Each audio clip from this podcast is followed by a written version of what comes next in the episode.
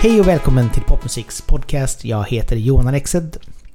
Och idag sitter jag i eh, mitt vardagsrum tillsammans med Frej Jönsson. Ja, god dag, god dag. Välkommen hit! Tack så mycket. Hur är läget med dig idag? Jo, men det är bara fint. Här. Ja. Det är en sån här riktigt krispig dag ute. Så skönt och... Alltså det är får sån... Eh, från Jämtlands-vibbar eh, nästan av den här luften. Så det känns hemma. Ja, jag såg lite grann på, på din Instagram att det verkar som du gillar snö. Ja, men det gör jag absolut. Och det är ju lite surt att man... här i Göteborgsvintern är inte den roligaste tyvärr för fem som, Nej, som den, är, mer- den är mer grå och blöt. Exakt, exakt. Men har du, har du kört mycket skidåkning genom hela livet eller är det liksom något som kommer på senare tid? Ja, nej, det är sen jag, sen jag var liten. Jag, det, jag kan inte minnas att jag, när jag började liksom. Det, jag har alltid åkt. Och, ja. Kul! Men Ja. är, det, är det bara för, för motion om man säger så? Eller är det för hobby? Eller är det, har det varit någon form av tävling i det också? Det blev mycket tävling. Det blev som en sorts karriär eh, inom eh, freeskiing. En sorts Ja. friskidåkning men eh, mer inriktat på eh, slopestyle och big jump sånt som är eh, jag vet inte hur man ska förklara det riktigt. Det är inte så mycket uppe på fjällen. Det är mer gjorda banor och sånt som eh, man gör tricks och sånt på. Ja, okej. Så Mm. det är lite alltså... För den som är helt okunnig, men lite, lite alltså skateboard, ramp fast Absolut, absolut. eh, skidåkning. Liksom. Exakt. Det är ju lite, det är en väldigt närliggande kultur. Så. Mm. Det är många som åker skidor som skater och tvärtom och ja, snowboard också. Liksom. Ja, det kan jag tänka Så det, det hänger ihop och väldigt mycket med musiken också. Det är supermånga som skapar inom, som är från samma kultur också. Liksom. Så. Jaha.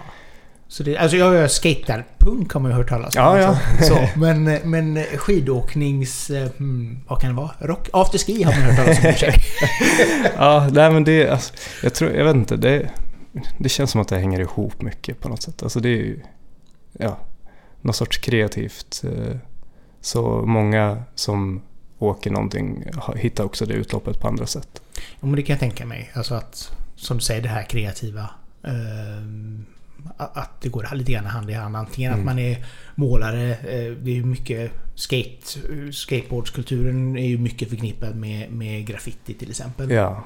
Eh, och då har man den biten. Mm. Uh, behöver ju inte bara vara de här tråkiga tagsen. Utan Nej. det kan ju faktiskt vara assnygga konstverk. Ja, liksom. precis. Ja, ja, ja för, förhoppningsvis kan folk se det också. Att det inte... Det, det kan ju lätt bli att eh, man har förknippat den kulturen med, med de, de lite sämre sidorna av... Ja men faktiskt. som jag, ja, så... Men det finns ju väldigt, väldigt mycket... Det, det är ju bara ytligt liksom. Jo men lite så. Alltså visst, går man omkring då... eh, Nu var du ju också från Majorna och jag har ju bott där länge också. Mm. Och, och vet om att, att varje gång man går ut så ser man de här tagsen liksom Ja. överallt. Och tycker man att ah, onödigt. Ja, Och så går man ner då till, till Röda Sten och så ser man det de skapar där med graffiti. mm. Som är jättesnyggt. Ja, liksom. precis. Ja, men det är ju helt annat. Ja. Tags, ja, det är lite... Det är lite hundkissande för mig. Ja, men... Ja, men faktiskt. Det är lite synd att det har blivit så också. För det känns som att eh, det, det förstör för de som faktiskt är duktiga och som Mm. kan liksom. Så att det andra är mest bara... Det är bara territorium. Ja, exakt. bara sorg. Ja. Vad det nu är. Man bara... Ah. Roligt! Ja, nej, jag har ju själv... Vi var ju som familj som alltid åkte upp till Sälen en gång per år. Mm. Så att jag har ju... Älskar ju att åka skidor. Men Kul. det är inte jätteofta man gör det numera tyvärr. Nej. Det var typ tio år sedan sist. Men eh, jätteroligt. Inte, inte jättebra på det, men... Men det behöver man inte vara. Nej, men- Inte på något. Det handlar ju bara om att ha kul. Och var så här, hellre än bra. Bara, Ja, bara man kommer ner. Det, det, så är det. Ja, men brukar du åka upp eh, och hälsa på hem? Eller säger du fortfarande hem? Ja, ja, men jag säger hem till Ja. Jämtland. Jag gör det. Det känns fortfarande som att det är där jag hör hemma på något sätt. Jag, jag är ju där en del. Nu har det varit mindre under corona såklart. Men eh, det, jag försöker åka upp så, så ofta jag kan. Och det har blivit lite mindre skidåkning eh, de senaste åren också, vilket tycker jag är tråkigt. Men eh, jag skulle vilja åka lite mer nu, får se hur det blir i, i vinter. Det är någonting jag längtar mer och mer tillbaks till. Så.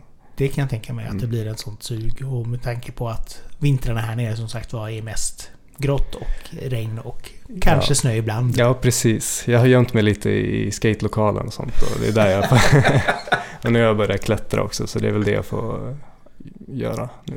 Jaha! Mm. Freestyling har jag men eh, med rep och hela köret Jag brukar bouldra mest just nu men jag tänkte Ja. gå, komma in i, i, i rep och sånt också. Men Spännande! Hur Ja. kom du in på det? Alltså det, är också, det känns också som det är lite närliggande skidåkningen och det är mycket Det är lite samma människor där också som eh, i skidåkningen och det ja, Jag tror att Alltså jag har gjort det lite när jag var yngre också och det känns som att det är någon, någon form av frihet som jag tycker om i det också liksom. Och, och, och att få använda sin kropp liksom. Mm. Är du sån liten daredevil som liksom... Vågar jag göra det? Ja, det är klart.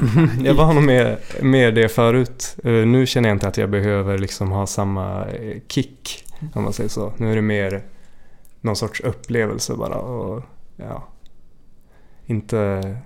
Nej, jag, jag, jag känner att jag börjar, jag börjar bli lite, lite äldre än vad jag var då. Ja, nej, jag, jag såg ju den här eh, Free Will, kanske den heter.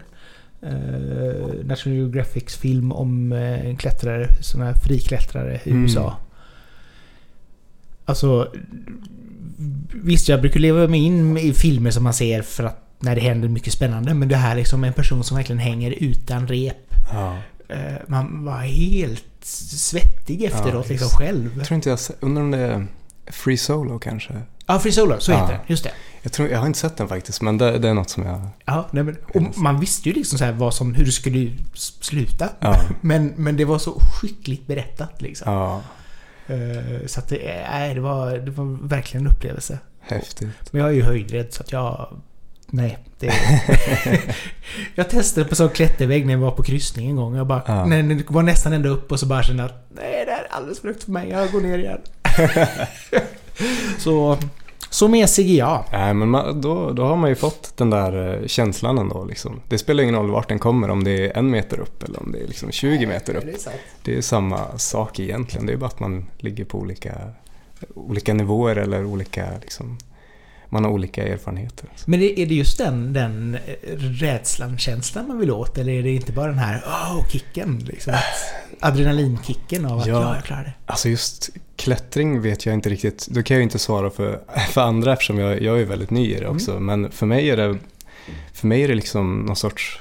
Eh, eftersom jag bouldrar bara just nu och då, är det, då handlar det liksom mer om då, då klättrar man inte med rep och det är inte så högt utan då är det mer att lösa problem liksom och eh, Jag tror att för mig är det att se hur eh, vad jag kan göra. Jag tror att det är bra för mig också att ha liksom att det, du har vissa nivåer och problem som du, du kan gå upp och upp och så är nästa steg, nästa steg. Jag tror det var mycket också att jag har velat träna ett tag men jag har försökt att gymma och sånt men det, jag klarar inte av det. Jag blir så uttråkad. Och det, det kan gå... Men jag är väl också så, jag kanske går in i någonting i, i någon vecka sådär och kör fullt ut och sen så...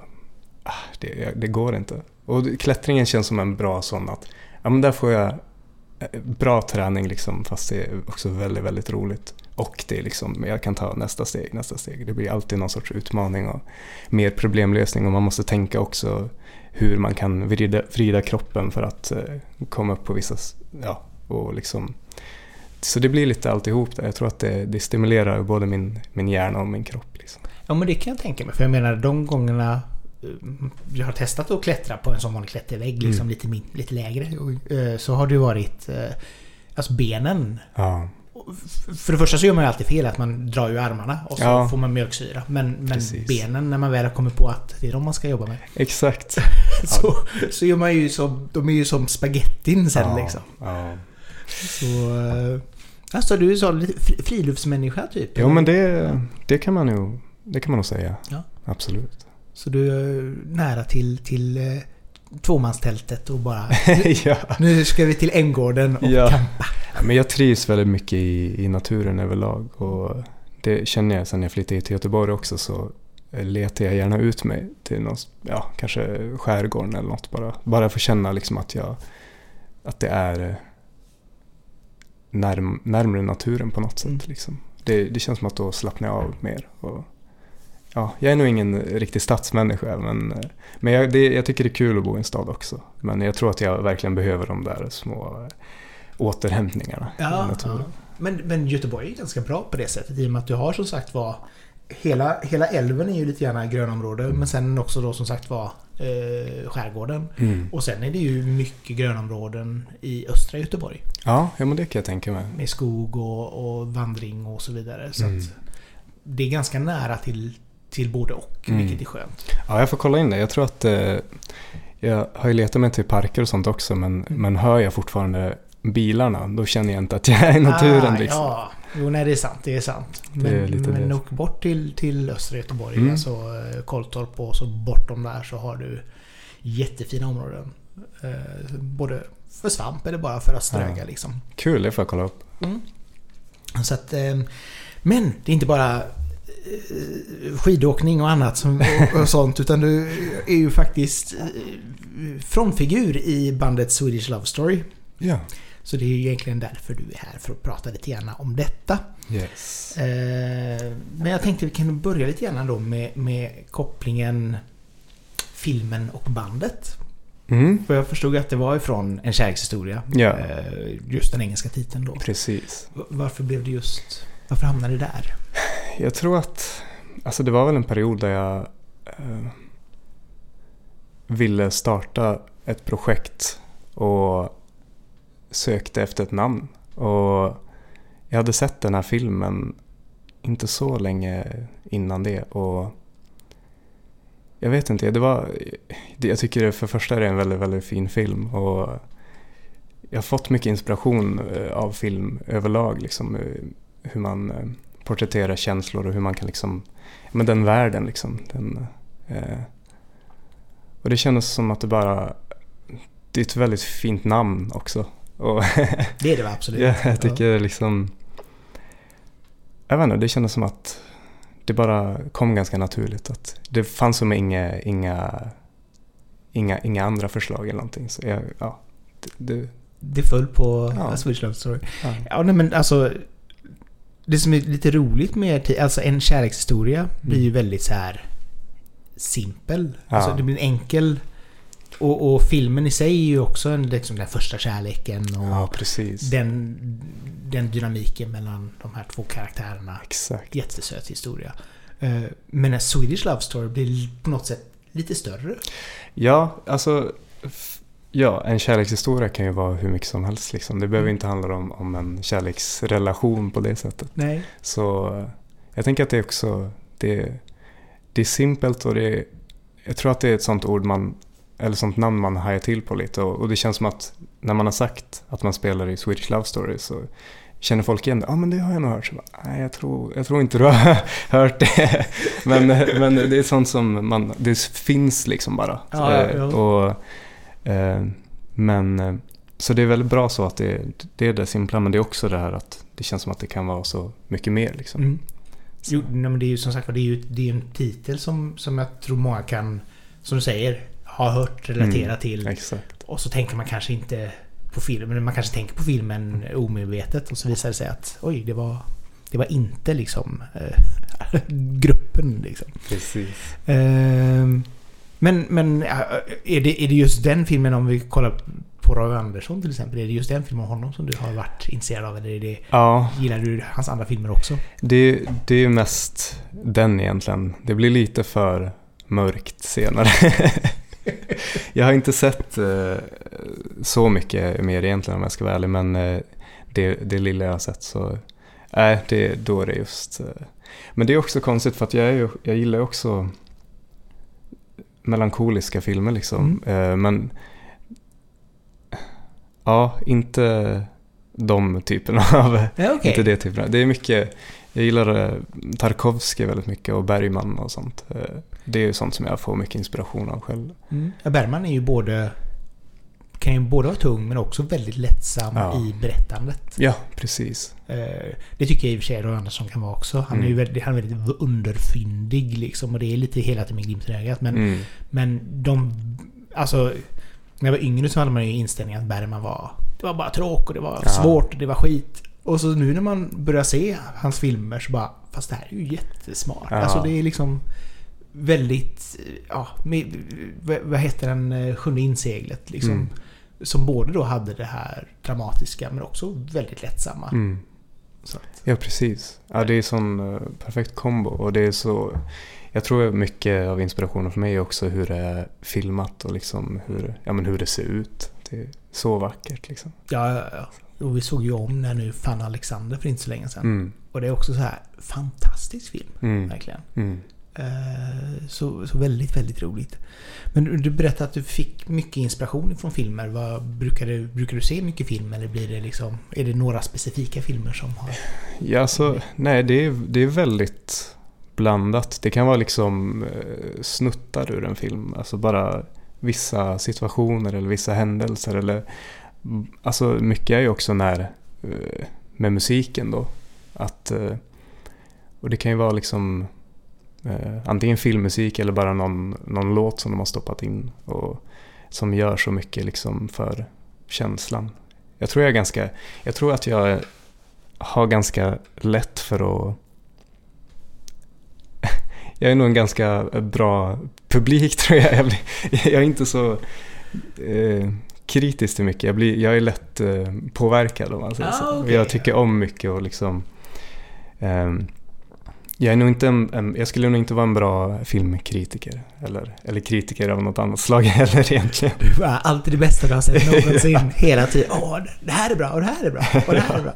Ja men det är lite så. Det är, det är mycket som inspirerar mig och det är, alltså det är, sen jag var liten också så är det ju film och musik som, har, som jag har känt mest av egentligen. Alltså, som- jag har lätt att gråta till film och musik och det, ja, jag vet inte, det har alltid legat nära bara och något som jag uppskattat. Men visst är det här, alltså jag kan ju inte säga att jag älskar att gråta till film, men jag gör det ofta. och, och skäms inte för det alls, för jag tycker det är så här om tryck... Och det kan ibland vara att man bara blir lycklig. ja, Och så gråter man av det. Eller också att det är sorgligt. Och jag menar, det finns ju vissa regissörer, alltså Steven Spielberg till exempel, mm, som kan trycka på exakt rätt knapp. Och om man verkligen så här mentalt tänker att din jävel, nu Mm. vet jag precis vad du gör. exakt. Och så kan man Det ändå går- inte värja sig utan bara Åh nej, nu kommer tårarna. Ja, ja men så är det. Jag, jag tycker om det också. Liksom. Det, det, ja, Men det är något fint tycker jag. Alltså, och och just det här också att man...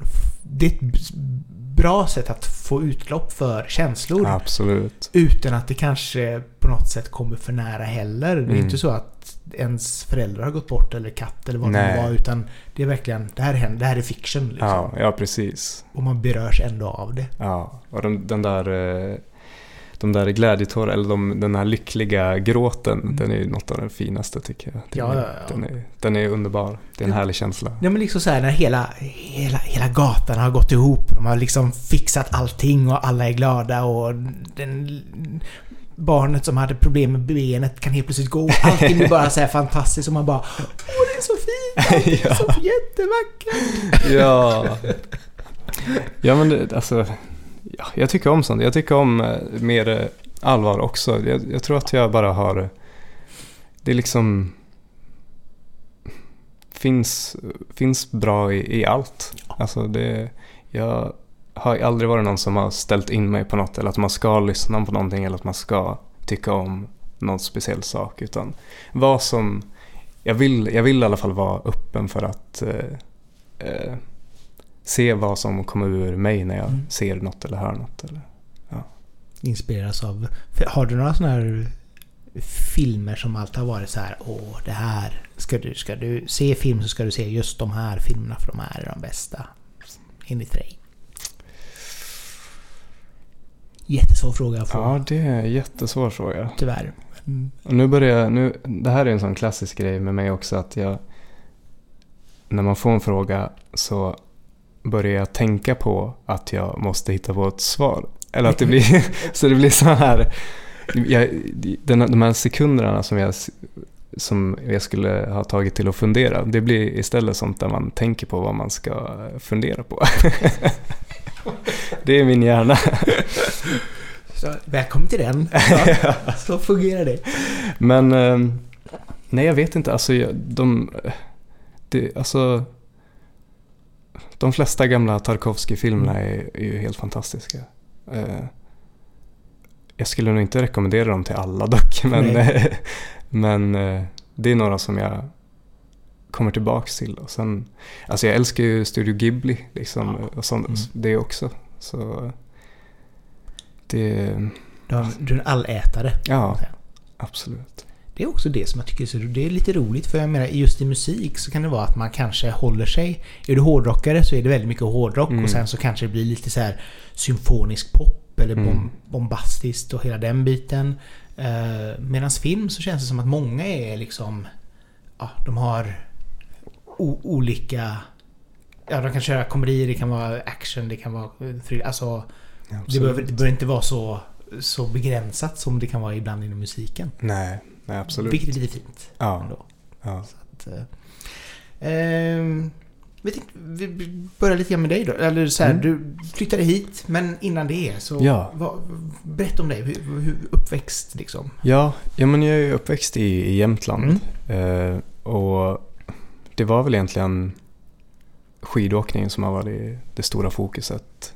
Eh, och jag, fick, eh, jag blev sponsrad när jag var ganska ung, runt 12 tror jag fick min första sponsor. Mm. Sen så ja, började tävla ganska mycket och det var liksom det jag ville göra och leva på och satsa på. Och, så det blev ju, ja, det är så jag har fått se världen egentligen. Jag har fått res mycket och eh, filmat och tävlat och, och det är jag väldigt, väldigt tacksam för. Man får, det är ju ställen också som jag inte hade valt att åka till själv liksom om jag hade varit i ehm, i eh, Kiev till exempel Mm. och åkte till eh, Tjernobyl. Spännande. ja, och för vi, åkte, vi filmade på, på gatorna där i Kiev eh, och körde handrails som vi kallar det. Eller ja, sådana vanliga räcken. Ja, ja. Och, ja, och det är liksom inget jag hade valt att åka till först. Liksom. Men sådana platser har man fått se och det är jag väldigt tacksam för. Eh, ja, sen har det ju, det blir mycket USA och mycket eh, Alperna i Sydeuropa. Och ja, jag vet inte, det, det har liksom det har ju lett mig till fantastiska ställen och människor och bra- ja, kontakter som jag har idag också. Men eh, jag tror att det var runt gymnasiet som det började kännas som att jag, det, det kändes inte lika kul längre. Mm. Och jag tror det var för att jag, det var för mycket tävling och jag var nog stressad ganska mycket hela tiden egentligen. Och ja, jag vet inte vad... Jag tror att jag... Det kändes som att det var liksom något höll på att hända. Eh, men att jag körde på ändå. Och sen så fick jag panikångest när jag gick i ettan på gymnasiet. Då gick jag upp i Kiruna på vinteridrottsgymnasiet på, som var på rymdgymnasiet. Så det var liksom en, en skidåkarlinje tillsammans med eh, rymdteknik. Oj, Ja. spännande. Ja, det var. Ja, det var spännande. Men det, var, det var, blev väldigt mycket också. För när vi hade de här lektionerna, eh, halva klassen var skidåkare, halva var bara, eh, eller bara, de gick i rymdteknik.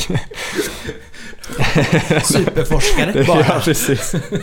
Eh, så när vi hade skidåkningen, då hade de sådana lektioner som, som vi missade då, som vi var tvungna att ta igen själva. Så det var väldigt, väldigt mycket tid som gick åt till att sitta och plugga. Oj, ja. Och ja, det blev nog mycket med, med, med det också. Men jag tror mest det var att jag hade pressat mig själv för länge och det slog, det slog till liksom. Och jag fick panikångest och ja, ja det, det var liksom, livet började lite om där. Och det var egentligen i samma veva som jag hittade mycket till musiken. Det blev som någon sorts tröst. Eller jag har ju alltid lyssnat på musik. Men det var då jag liksom kände något djupare. Det var väl det enda jag egentligen kunde känna något av då, efter den perioden. Liksom. Så det var inte längre den här kärleken till, till åkningen eller Nej, den biten som Precis. tillfredsställde liksom? Nej, precis. Den hade försvunnit då, tyvärr. Men... eh, Tråkigt när det blir så, när man ändå känner att man har haft en passion för någonting Mm, och helt plötsligt eh, det, blir lite grann ens, ens värsta fiende på något ja, sätt. Liksom. precis. Precis. Men nu, nu är den tillbaka i alla fall, den känslan. Så det är bra. Hur lång tid tog det innan du hittade Ja. tillbaka? Det tog nog ändå... Alltså jag fortsatte ju åka skidor efter det också. Eh, Men det tog nog kanske fyra år, fyra, fem år in, efter det tills jag liksom... Det är mer nu på senare där jag känt att nu vill jag bara dra ut mina kompisar och åka. Ofta när man tänker tillbaks på minnena så handlar det ju mer om att vara med vänner typ. Och eh, det här tiden emellan, man hänger i stugan och sitter framför elden och Spela brädspel. Ja men precis, ja men bara ha det gött liksom. Men det, det blir väl så också. Allting blir väl när, när man...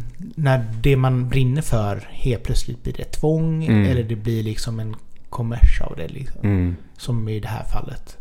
Eh, för jag menar, jag kan tänka mig att sponsorerna vill ju ha valuta för sina Mm. pengar. Och att de ska, du ska synas så mycket som möjligt med deras brand. Ja, Och göra coola tricks och lägga upp eh, klipp på, Mm. på YouTube och så vidare.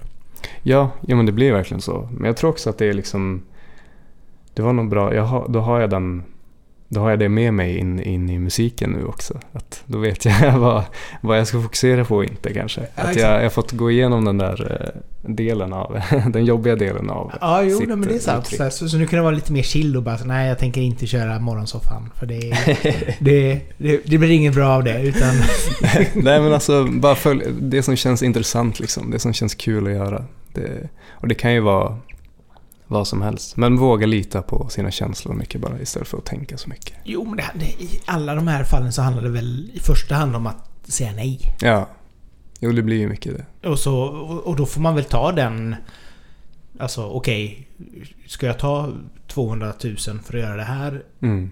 och mår, mår dåligt eller ska jag skita i det och kanske ta ett annat gig som ger mig några tusenlappar? Ja, då kanske det är bättre Mm. i det fallet. Eh, sen när man väl eh, har hamnat där att man känner att ja, men nu är jag trygg i mig själv och nu har jag tiden. Mm. För det är väl oftast det också man blir stressad av liksom. Jo det är klart. Och har du skola, eller hade du skola och sånt då också så blir det ju också en, en stressfaktor. Mm. Jag bara, åh jag ska göra klart det här och jag ska hinna med och pussla ihop liv, livspusslet. Liksom. Så är det ju. Så är det absolut. Ja, men nu, nu med musiken, nu känner jag, det, nu känns allt kul med musiken. Så det, det är nästan man bara, ja men, ja, vill bara säga ja till allt. Fast det, det är svårare nu för nu får man inte lika mycket. Det, är inte, det är inte så lätt att... Det är alla de här som har stått i kö i två år under corona som har bokat spelningar som får spela liksom. Så. Ja, jo. Sen, sen får man väl bygga upp det där uppdämta behovet liksom på vägen och så nästa år så kan man köra kanske all in. Precis. För jag menar, man märker ju nu, det är ju verkligen konserter varje dag i Göteborg. Ja, Och eh, även på, på mindre ställena så tar de ju också in liksom konserter hela tiden. Så att ja, det, det är mycket. Det är det. Mm, Det är men det. det, men det, vad, vad, när, när du kände att du var liksom... Jag vet inte om man ska säga utbränd, men om du kände liksom Mm. att du var så. Hur, hur, hur behandlade du- du det själv liksom innan, innan du lyckades komma ur den här eh, lite depressionen av allting? Ja, alltså. Jag gick nog in i mig själv ganska mycket i början. Jag tror att jag försökte få hjälp först av psykolog. Gick, den första jag gick till var liksom, jag kände mig inte alls sedd och det kändes som att det är bara en annan, ett annat, en annan ungdom som har, har det tufft liksom. Okej. Men eh, så då, ja, då gick jag in i mig själv, började läsa, började leta på internet liksom. Så jag var ändå driven. Alltså jag ville ju bara komma bort ifrån det måendet. Det var ju hemskt, den- de overklighetskänslorna och liksom att vara, första perioden var man ju väldigt rädd för att få attacker för att man, när det var nytt liksom. Sen förstod man ju mer och mer vad det handlade om och att det liksom inte var något farligt att få en attack. Men det är just, det är så himla obehagligt. Eh, och jag tror att det är liksom, det övergick eh, till mer eh, en sorts depression egentligen. Eh, där var det ju svårare att göra saker egentligen. Jag, hade mer, jag kunde mer eh, ta tag i saker och försöka ändra på det i, i, när jag hade panikångesten. För att, eh, jag vet inte varför, men det, det är svårare när man liksom inte känner lust för någonting. Ja. Där hade jag ändå ett driv att inte må dåligt, men under depressionen kan det vara svårt att, att göra någonting. Liksom. Men eh, jag vet inte, jag flyttade ju hem till Jämtland efter det året i Kiruna och jag tror att det bara hjälpte mycket att vara hemma liksom och vara omkring dem jag hade växt upp med. Och, och musiken som sagt också. Jag började spela mycket själv, försökte lära mig själv liksom. Spela gitarr och piano. Och, alltså det tog ju några år men det liksom blev bättre och bättre. Och sen så tänkte man inte på det lika mycket och man hade väl vant sig på ett sätt också egentligen. Vant sig på vilket sätt eller vadå? Alltså med att, eh, men till exempel små attacker och så här, att när det kommer så var det inget man var rädd för liksom. Och, eh, ja, det blev bara att man, man hittar något sätt att, att fungera på. Ja, nej, men jag kan tänka mig. Har, har eh, den typen av attacker eller känslor kommit på senare tid också eller? Ja, det är absolut inte lika ofta. Men jag känner att det kan komma någon sorts... Att det börjar på någon, en attack, den känslan liksom. Men sen det försvinner ganska, ganska fort. Jag, jag behöver bara bli medveten om det. Att jag, jag noterar det i huvudet att ja, det här är det här. Och sen så jag vet, jag vet vad det är och så kan jag ta några andetag och gå in i kroppen bara. Och så brukar det försvinna skönt ändå att man mm. kan kontrollera det på ett sånt sätt. Ja, jätteskönt. För men det är väl också den paniken kan jag tänka mig när man inte kan kontrollera det och man ja. inte riktigt har den vetskapen om vad det är som händer med kroppen. Ja, precis. Det är då det bara blir värre och värre ja, men exakt. trigga sig själv. Liksom. Och jag lider så med folk som mår dåligt. det är tråkigt. När, när hjärnan spelar en sån spel ja. med den. Liksom. Ja, precis. Men det är ju, alltså, jag tror att det var mycket, man börjar förstå liksom vad ångesten är till för också. Liksom, det, alltså, och de, det som grundkänslor är ju liksom bara bra för våran överlevnad. Alltså om, om folk inte har ångest alls, då skulle man ju inte klara sig så länge tror jag, liksom som, som människa. Alltså vi människor liksom. Nej, och samtidigt så livet ska ju vara upp och nedgångar. Ja. Absolut. Alltså du ska ju ha olika humörsinnen. Mm. Liksom. Mm. Sen behöver de kanske inte vara på topp hela tiden eller på botten hela tiden. Nej, precis. Utan den här pendeln liksom är ja, viktig. Exakt. Och mycket med panikångesten var ju att, att lista ut eller att kunna se alltså vad om det var liksom en situation som faktiskt eh, borde ge en ångest eller som borde sätta in i fight or flight. Eller om det, alltså, jag tror inte det var någon sån situation som, där jag faktiskt behövde det här påslaget. Liksom. Och då började man förstå att ja, men det, det är ingenting som, som kommer hjälpa mig. Det är ingenting jag... Ja. Så, så det är väl mycket ja, KBT med det. Liksom, att eh, ja, återställa sin ja. hjärna och, så att den reagerar på rätt saker. så den förstår, förstår händelserna runt omkring sig. Mm. Liksom. Men det var också där då som, som musiken på riktigt började leta sig in i ditt liv, förstod jag. Mm. Eh, som sagt jag brukar be de som kommer hit att lista fem antingen låtar eller album som har betytt mycket för dem. Mm. Så jag tänkte att det kan vara passande att ta upp nu. Ja. Alltså den första jag valt det är uh, New Slang med uh, The Shins. Mm. Uh, och det var just under den här tiden i Kiruna. Jag tror att det bara är en låt som... Jag relaterade bara den till uh, det här skiftet i, i, i livet. Och det, jag började också efter... Jag tror att jag hade lyssnat mycket på annorlunda musik innan, innan det här. Det var mycket... Inom skidkulturen var det mycket hiphop främst egentligen. Och det här var liksom... Jag började komma in på lite mer lugnare grejer. Och jag tror att, var, jag, tror att jag såg eh, filmen Garden State med ja, Zach Braff och Ja. Natalie Portman. Som, jag tror att det var det och då spelade de, jag tror att hon eh, visar den för honom i, i filmen och säger att det här, det här kommer förändra ditt liv. Och det var lite den... Det gjorde den, det för dig Ja också. men det blev lite den, den, den har den, ja det är så jag, det, det, ja det blev lite så för mig. Ehm, jag kände sån trygghet i, i den. Det är, som, det är bara en, det är en fin, simpel låt liksom. En vacker melodi. Och eh, jag kände ett sånt lugn i den. Det var liksom en av de första stora trösterna kanske.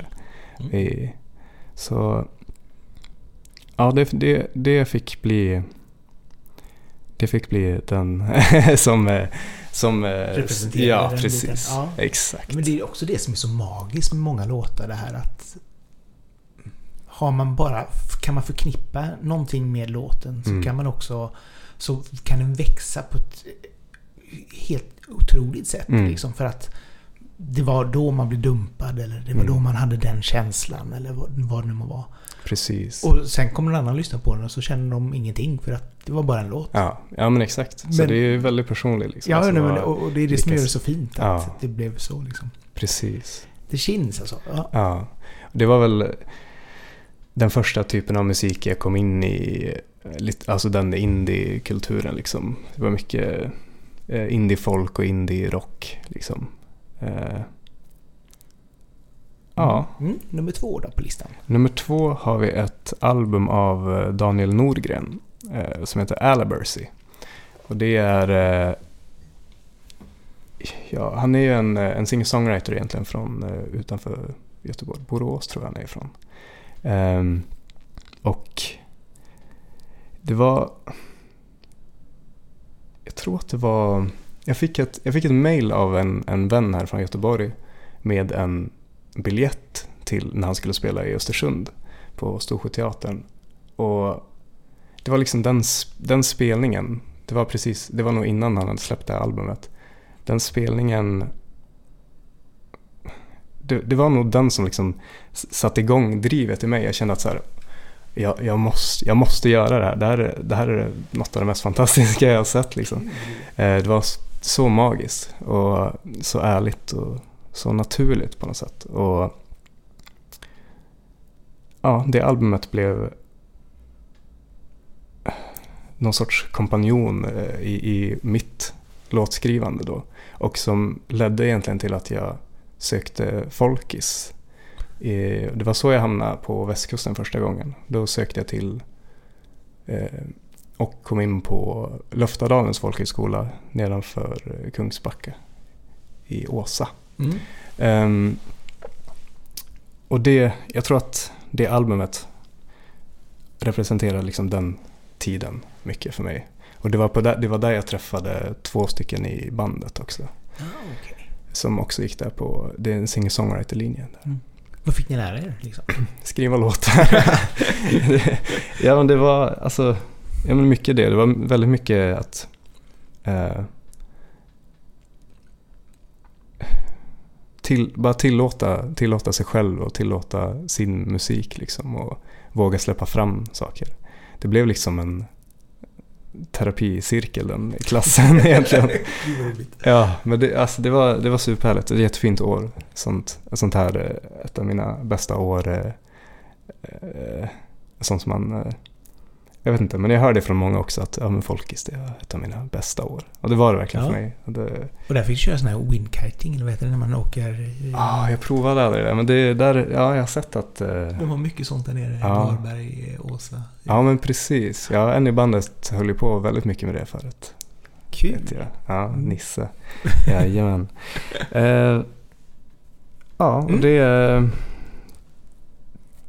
det, det... Ja, Det var den som, det som fick dig faktiskt att gå in på den här stigen med andra ord. Ja, men det- Musikerstigen. ja det, var, det var mycket så. Ja. Verkligen, verkligen. Roligt. Ja.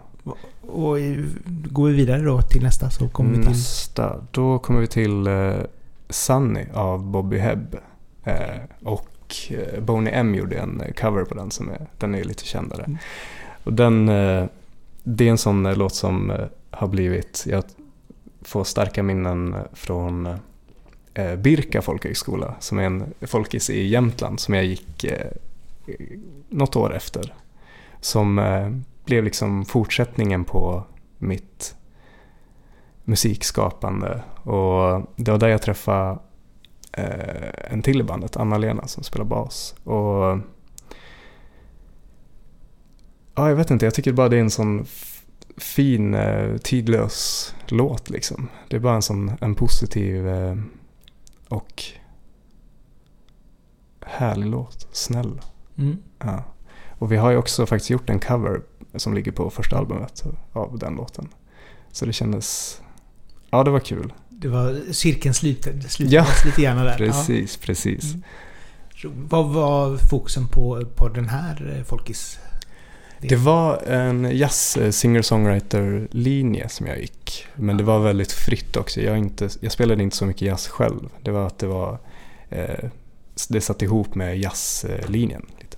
Ah, okej. Eh, så det var, det var väldigt fritt med sitt, med sitt skapande. Och det var ju där jag började eh, tänka i banorna om att skapa band. Och, eller egentligen ville jag göra... jag ville bara ha ett projekt där jag kände att jag kunde experimentera och göra lite större låtar. Jag gillar, gillar mycket stora låtar egentligen. Ehm, så det, det var där jag började eh, pilla på det projektet egentligen. Mm. Och det är där det kom till. Men så, så har det varit liksom en, någon form av mål att just att det skulle bli ett band eller skulle det kunna vara liksom Frejon som solartisten liksom? Ehm, det, var, det var inte... Det var ju mer som ett soloprojekt i början, absolut. Eh, men eh, det, det utvecklades till ett band mer när jag flyttade till Göteborg egentligen. Ehm, det var ju när jag började spela med de här så i början så spelade vi liksom det jag hade spelat in i princip. De demosarna och eh, men vi, det, det liksom växte ganska snabbt till att att resten av bandet började få in sina influenser och liksom det, och jag kände att det blev så mycket mer intressant för mig då också. Att så här, det är inte bara jag som har haft något i huvudet som jag liksom jobbar något år på att få ut. Alltså jag, då blir jag ju bara uttråkad för att jag har ju hört det i huvudet flera gånger. Så jag behöver inte ha mer, liksom, lägga mer tid på det känns som. Men eh, så det var väldigt, det blev mycket mer intressant för mig då helt enkelt. Och blev mer som ett band egentligen. Och nu, nu vet jag inte exakt hur en låt kommer låta. Eh, Ja, och det, det tycker jag är kul.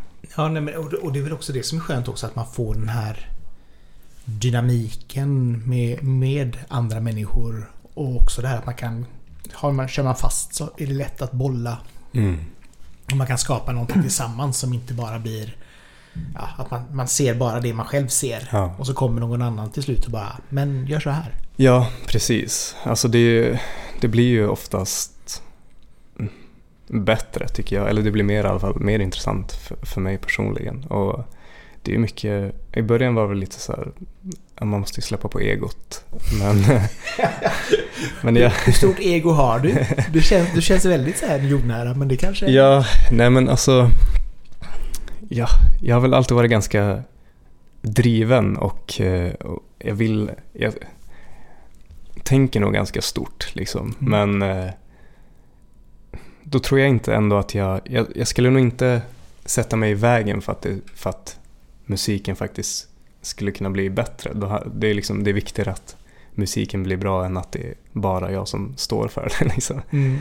Eh, I alla fall i, så känns det i det här och sen kanske det är att om jag skriver mer själv och mer singer-songwriter så, så kan det ju vara annorlunda liksom. Men, Samtidigt så det, det handlar väl också lite grann om... Nu, nu spanar jag helt fritt. Men, Mm. men om, om du ändå har varit liksom så pass om man säger, efterfrågad som, som skidåkare tidigare. Så Mm. det sätter väl också någon form av nivå på men det här det här klarar jag av. Mm. Jag är så här bra. Ja, Och sen så kanske man inte kan bara så här copy-pasta det på en helt ny karriär. nej. Även om man kanske skulle vilja. Precis, och det var, det var nog mycket så. Jag tänkte att det skulle gå lite lättare i början. Det är ju jag! ja. Nej men alltså jag tänkte, jag, jag hade nog liksom, jag tror inte jag förstod hur mycket, hur mycket man måste knuffa sig framåt liksom och hur mycket man måste, alltså hur mycket jobb det är liksom i, i själva att, att få spela liksom. Att, att bygga ett namn liksom, eh, det tar ju tid. Ja, ja, ja. Och jag menar, ni har ju funnits i ett halvår. Ja, vi har, ju- vi har ju liksom vi har spelat tillsammans totalt i, i två år och så har vi spelat live. Eh, jag tror vi spelade vår första livespelning förra året eller något sånt där. Mm. Ehm, så det är ju, det är ju relativt nytt liksom. Ja, ja, ja. Och första singeln kommer ju nu i... Alltså som Ja. släpptes ut. Så att det gör ju att... Det, det är inte... Om man inte liksom var i de kretsarna i Göteborg. Så är det svårt kanske att veta. Ja, precis. precis. Men det, det har man ju fått lära sig. Kanske, ny, kanske nyttigt det också. ja, absolut. Ja, absolut. det, men man behöver ha lite om de här... Ja, lavetterna kanske man ska säga. från livet. Ja. bara... Hopp, det är så här det gäller. Okej. Nej, skivbranschen är inte lätt. Eller musikbranschen överhuvudtaget. Utan är, man ska komma in där och man ska spelas där och så ska någon på eh, Sveriges Radio tycka att man är bra så man kommer in där. Och så Mm. hej och alltså det är så många gatekeepers som man ska komma förbi. Det är ju det. det, är det. Eh, Så att det, det är svårt. Ja. Vad har vi efter... eh, Efter Sunny Ja. Då har vi eh, The Soundtrack of Our Lives tog jag med där. Oho. Um, Göteborgsband. jajamän. Och då tror jag att jag, jag funderade lite på vilken låt. Men jag tror att från den tiden jag lyssnade mycket så var jag väldigt inne på Last Prophets in Vain heter den. Annars lyssnar jag mycket på The Passover till exempel och eh, You Are The Beginning.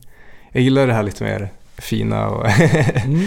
Eh, men ja, den blev det. Och alltså en, en stor grej med det var ju att det var eh, Ebbot spelade ju på, det måste ha varit skidskytte-VM i Östersund för några år sedan. Det var nog eh, efter jag hade gått på Birka då.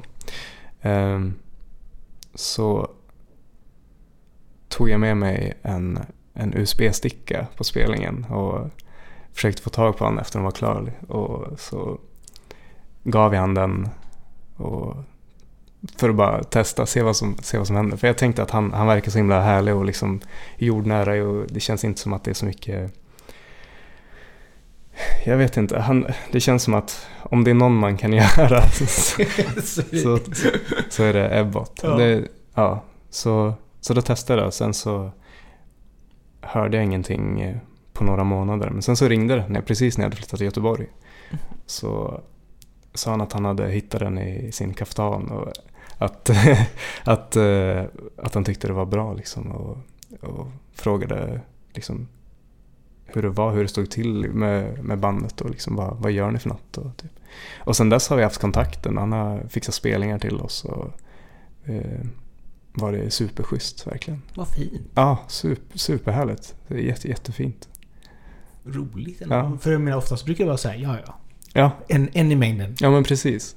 Precis. Alltså det, vi är så tacksamma för det. Ja, det Det förstår har jag. hjälpt oss mycket. Roligt. Ja. Ja, det förstår jag också varför han får lov att vara med i... Mm. De får vara med i. Ja, ja, jag lyssnade, ja, det var också en sån i, när jag kom in lite mer på den typen av musik så var det mycket soundtrack. Alltså det, de har gjort väldigt, väldigt mycket bra grejer. Så. Ja, och som, som du säger det här, både det vackra men också det här härligt bombastiska. Mm. Och när de jobbade med Göteborgssymfonikerna. Alltså de, de, det, är- det är ju väldigt bra, Mm. bra pop Ja, absolut. rakt igenom liksom. Absolut. Så det, det är kul. Mm. Då är det sista på listan va? Jajamän. Sista, sista. Då, är det, då tog jag faktiskt eh, en, en, en riktig klassiker. uh, Bittersweet Symphony med The Verve. Och det är liksom, alltså det, jag gillar ju verkligen, jag, jag, kan tycka att det är en sån här, en underskattad klassiker. Alltså man hör en låt så mycket så att det har bara blivit någonting liksom. Så man tänker inte på det, men man lyssnar på den liksom igen och så tänker det som en låt. Alltså det, det är en fan, det är så bra låt. En eh, helt fantastisk låt. Och jag vet inte, jag, jag gillar ju också The Verve väldigt mycket. Ehm, och Love is Noise till exempel, jag lyssnar på en del. och ja, jag tror att jag har många fina minnen med den här låten. Liksom, och det, jag har många kompisar som också liksom, att man har gjort saker och den här låten har varit på när man har varit på majestätiskt ställe. Liksom, eller att det, har liksom, det är bara en sån tidlös klassiker. Liksom, som är... Rolig video. Mm. Eh, och så genialiskt snyggt med, med samplingen. Ja, precis. Eh, och jättebra låt. Absolut. Och Mm. sen har ju du lite likheter nu med ditt krulliga hår. Ja. och Richard Ashcroft liksom. Ja, ja men det... precis, och jag, jag tror att eh, en sån grej var också att när jag eh, träffade min flickvän Sanna för eh, två och ett halvt år sedan så i början så när vi lärde känna varandra så visade jag lite musik och några demos och då tror jag hon sa att, eh, att det påminner henne om eh, The Verve och, eh, och lite Moby. Samma känsla att man får och då kände jag så här, ja men det är en bekräftelse på, på min musik och, och på henne. Du bara, vi ska fortsätta dejta. ja, precis. Efter det här. Det, det var liksom klappat och klart. Ja. Nej men så det, det är också en sån, eh, det, det är liksom, jag representerar en fin tid liksom och mycket fina minnen egentligen. Ja, jo, nej men det... Och Moby ändå. Ja, ja. Också en stor favorit från min sida. Mm, Så att, mm. älskar Moby. Ja, ja jag med. Det är Verkligen. Ja, han har gjort så otroligt mycket och som Mm. har varit så otroligt bra. Men Verve, jättebra val. Ja. Alltså, eh, älskar den låten. Eller ja, Mm. val. Det, ibland så är det låtarna som väljer en. Ja, ja men precis. Än tvärtom kanske. Ja, nej men jag tror alltså det är, det är lätt också att man Jag tror att jag bara vill känna att jag ville välja något som just där att det känns som man glömmer bort de här riktiga klassikerna så Mm. mycket och att jag vill inte vara Jag vill våga välja något sånt också liksom. Som, Ja men det tycker jag är helt rätt. Ja. Jag menar ofta så blir det ju så att man kanske tar någonting som är just nu. Ja, Eh, eller något som är... Eller att man slår knut på sig själv för att hitta liksom något speciellt. Men, Mm. men som du säger liksom att jag menar Bohemian Rhapsody liksom. Mm. Eller Bittersweet Symphony. Alltså Mm. det är ju fantastiska låtar. ja det är det. Och det är ju egentligen det som... Alltså någon gång har man ju blivit berörd av låten eller den har Mm. kommit in i ens liv på något sätt. Mm. Eh, så att det, det är jättekul att den fick vara med. Ja. Lite gärna om eh, albumet tänkte jag. Mm. Eh, som sagt var, ni släppte Wildlife för någon vecka sedan bara nu. Ja. Eh, hur har re- responsen varit? Vi kan börja där. ja, vi har fått väldigt fin respons Ja. av, eh, av de som har hittat den. Men eh, det verkar, ja, det verkar som att eh, många uppskattar det och det, det värmer väldigt mycket. Eh, det är så fint när man får liksom lite djupare kommentarer också, eller att det har liksom påverkat på något sätt. Eller att, man, att när folk säger att det, det drar in en till liksom en, någon sorts värld typ. Mm. Och det är mycket så jag, det är mycket det jag gillar när jag själv eh, konsumerar musik eller film eller så. Att, att det måste, att det liksom, och just att det känns så speciellt för någon att man faktiskt hör av sig och, och berättar. Det, och det betyder ju väldigt, väldigt mycket. Ja, det, det om något är ju en bekräftelse på Ja. att polletten har gått igenom hela vägen Precis. hos alla. Ja, och det, de har fått mycket för, eh, för soundet också. Det är många som eh, hör, tycker om soundet. Att det känns också, det är liksom grundat i något eh, äldre men att det är också väldigt fräscht Mm. också. Så det, det är också väldigt fint. Det, det känns ju så för mig som någon sorts, ja jag vet inte. Det betyder väldigt mycket, gör det. Jo, det, alltså det är ju... Gillar du indiepop, indierock Mm. åt det hållet så finns ju någonting för dig på albumet. Mm. Gillar du det här lite mer ambienta och lite drömliknande så finns Mm. det det också. Ja, Så att du har ju ett, ett spektra på, på albumet som är väldigt tilltalande. Mm. Eh, så att det är väldigt fint så. Vad kul. Ja, nej, men jag, jag, jag har kört igenom det några gånger. Ja, vad roligt. Minsann. Så att li, li, lite streamingpengar får ni. Ja, vad snällt. Vi, ja. Var det, var det, tänk, var det liksom så här... In, in, var, var siktet inställt på att det skulle bli ett album? Eller var det liksom... Vi börjar någonstans och får vi se vart vi hamnar med detta? Det var ganska inställt på ett album. Jag Mm. tror att jag ville... Jag tror att vi märkte att vi hade mycket material ganska tidigt. Alltså de, all, de här låtarna är ju, förutom covern, så är det sånt som jag har skrivit och tagit med till bandet. Eh, och så har vi antingen använt eh, mitt arrangemang från tidiga stadier eller så har vi jobbat på det tillsammans. Och det blev ju liksom en... Eh, vi var ju uppe i 12-13 låtar och sånt där. Och jag att det, det hände mycket med bandet också liksom. Och eftersom jag tror att vi ville bara, vi ville gärna få ut någonting också. Och, och, och känna också att, att, så att vi kan också fortsätta.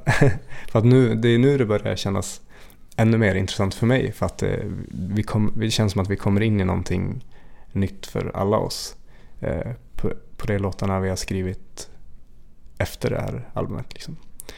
Så ja, jag vet inte, det, det var som vi tänkte att men fan, vi, har, vi har bra låtar. Vi, vi, vi spelar in dem och, och så släpper vi det som ett album. Så gör vi allt så bra som möjligt. Och vi försöker liksom vi spelar in det, nu är det inspelat på Studio Sen hos en som heter Kristoffer Göransson som är eh, svinduktig. Och eh, som har mixar också så är det masterat på Svenska Grammofonstudion eh, av eh, Frida. Eh, nu minns jag inte hennes efternamn riktigt. Är det någon du känner igen? Ingenting. Men eh, eh, ja, det Ja. kändes bara som ganska självklart att vi gör ett album liksom. Mm. Vi, ja. Det, det, det blev ett bra flow i både låtskrivandet och... Vilken var den sen, sista låten som ni, som ni skrev för albumet? Kommer du ihåg? Hmm. Nej, jag minns nog faktiskt inte det. Det var... ehm, det känns som en, en, en stor klump alltihop. att, att eh, liksom, ja men också med, egentligen med Corona, att man inte, liksom, tiden har inte funnits på samma sätt. Mm. Men, men var albumet klart när ni släppte första singeln? Eller? Ja, ni- det var det. Det var det? Ja. Så att det betyder att då har ni ändå haft minst ett halvår som ni har skrivit nytt material? Ja, Kan man säga. precis. Hur ofta ses ni för att skriva? Eh, vi försöker ses en gång i veckan ungefär. Mm. Och två, ja, en till två gånger i veckan brukar vi eh, spela. Det blir ofta, vi brukar börja med att jamma innan vi liksom repar. Och av, av det, vi brukar spela in också med bara någon telefon eller så. Och mycket av den nya musiken brukar liksom födas under, det, under de eh, eh jam-sessionerna. Eh, så vi brukar bara ta en sån, kunna ta en sån idé och fortsätta jobba på den senare. Liksom. Men det, det, det är som att det, det händer, väl, det kommer väldigt naturligt och det är jag så tacksam för. Det känns som att vi har liknande eh, musikuniversum i, i bandet liksom, men att ändå att alla har något, en fot utanför i sina egna, liksom, där vi kanske inte, där inte, som inte alla andra lyssnar på. Så det blir som en perfekt match där alla, där jag tror att det känns, eller det verkar som att liksom, de som är med får gör, verkligen göra sin grej och ta sin sak till. Och det är därför jag tror att det blir så bra och roligt. Liksom. Nice. Eh, Men är, är det du som skriver alla texter eller är det... Ja, det är jag som skriver texten. ja. Mm. Så att... eh, Men har de andra räckt upp handen och sagt att åh, jag har en idé? In, inte på text. Nej, nej. Det känner de att, eh, att det var, den får jag... Den får du stå för. Ja. Eh, Men mycket eh, musikaliska idéer. Liksom. Ja. Men det är väl som sagt var, det är väl också den som, sagt, som vi var inne på tidigare, just den dynamiken Mm. i ett band. Att kunna hitta eh, nya idéer. Mm.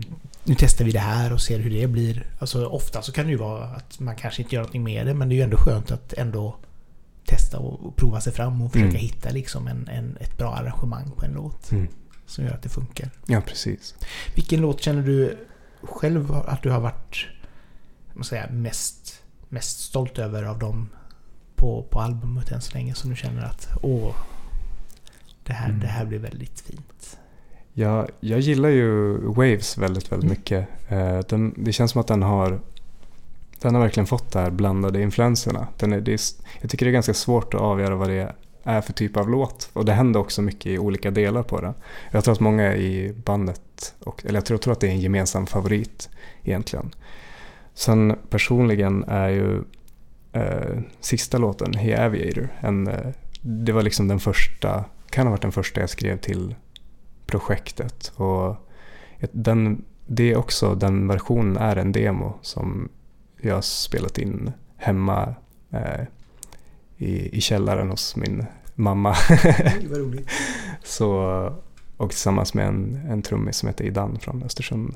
Så jag tror att det är liksom, den har ju ändå så här ett speciellt, det är liksom den, den första egentligen som, som blev för projektet. Ah, okej. Mm. Så och den fick ändå, fick ändå vara med. Den fick Ja, också vara med. Den fick Så också det- med. Så, f- ja, nej men det... Jag, läste ju att, att Waves baserades på Virginia Woolfs bok med Mm. samma namn också. mm. Eh, har du också hittat mycket inspiration från just böcker? Ja, det är också, där är det också så att det kan vara liksom vissa ord eller meningar. Det är liksom som med musik och film att det är liksom bara små ögonblick som jag blir inspirerad av. Eh, och det, det, är ofta, det är ofta så det är för mig tror jag. Det, Mm. Och där var, det, där var det definitivt så. Det var liksom en bok jag hade köpt för att jag ville komma in i litteratur och ville känna mig eh, litterär eller ville vara smart på något sätt. Så då hade du liksom såhär prickat av sig Virginia Woolf? Ja. med, jag måste- ja, Ja men det var lite så Ja. faktiskt. Och eh, ja, var väl lite...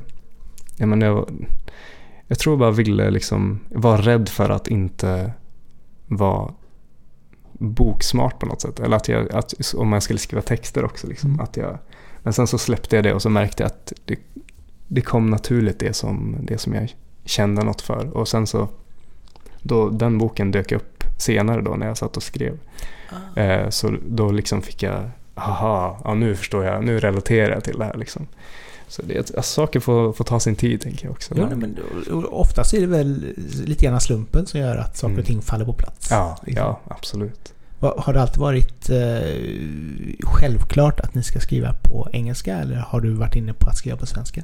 Um, det har nog känts självklart för, för det här projektet på engelska. Jag är inte stängd för idén att skriva på svenska, men det, så har det, det har kommit naturligt liksom. Och, ja, det, vi har fått in det lite. Det en, eh, ett ord i Waves som är i slutet, så där det är bara vågor som repeteras. Så det är ett svenskt ord har vi fått in på albumet.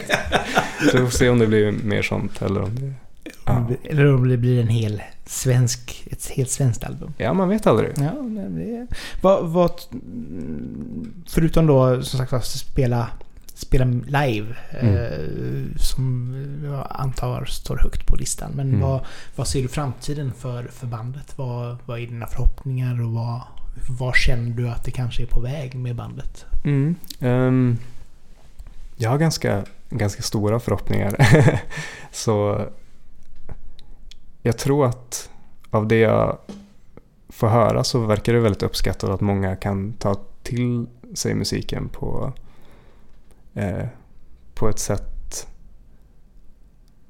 Ja, jag vet inte. Det, det känns som att det, det, det ligger någonting där och om vi fortsätter spela eh, med varandra och, och liksom den här dynamiken fortsätter eller utvecklas till och med så tror jag att det kan bli väldigt, väldigt bra eh, framåt också. Och jag, tr- alltså vi, jag tror vi alla vill, alla vill liksom turnera världen runt och bli ett stort band. Liksom. Det, är- det är inget som... Ja, det är, det är väl det vi vill. Och kunna leva på musiken på något sätt egentligen. Eh, det är inga, det är inga, inga små... Nej men det är väl, Visioner. det är väl ändå skönt att liksom ha dem. Alltså att, Ja. att hoppas på att...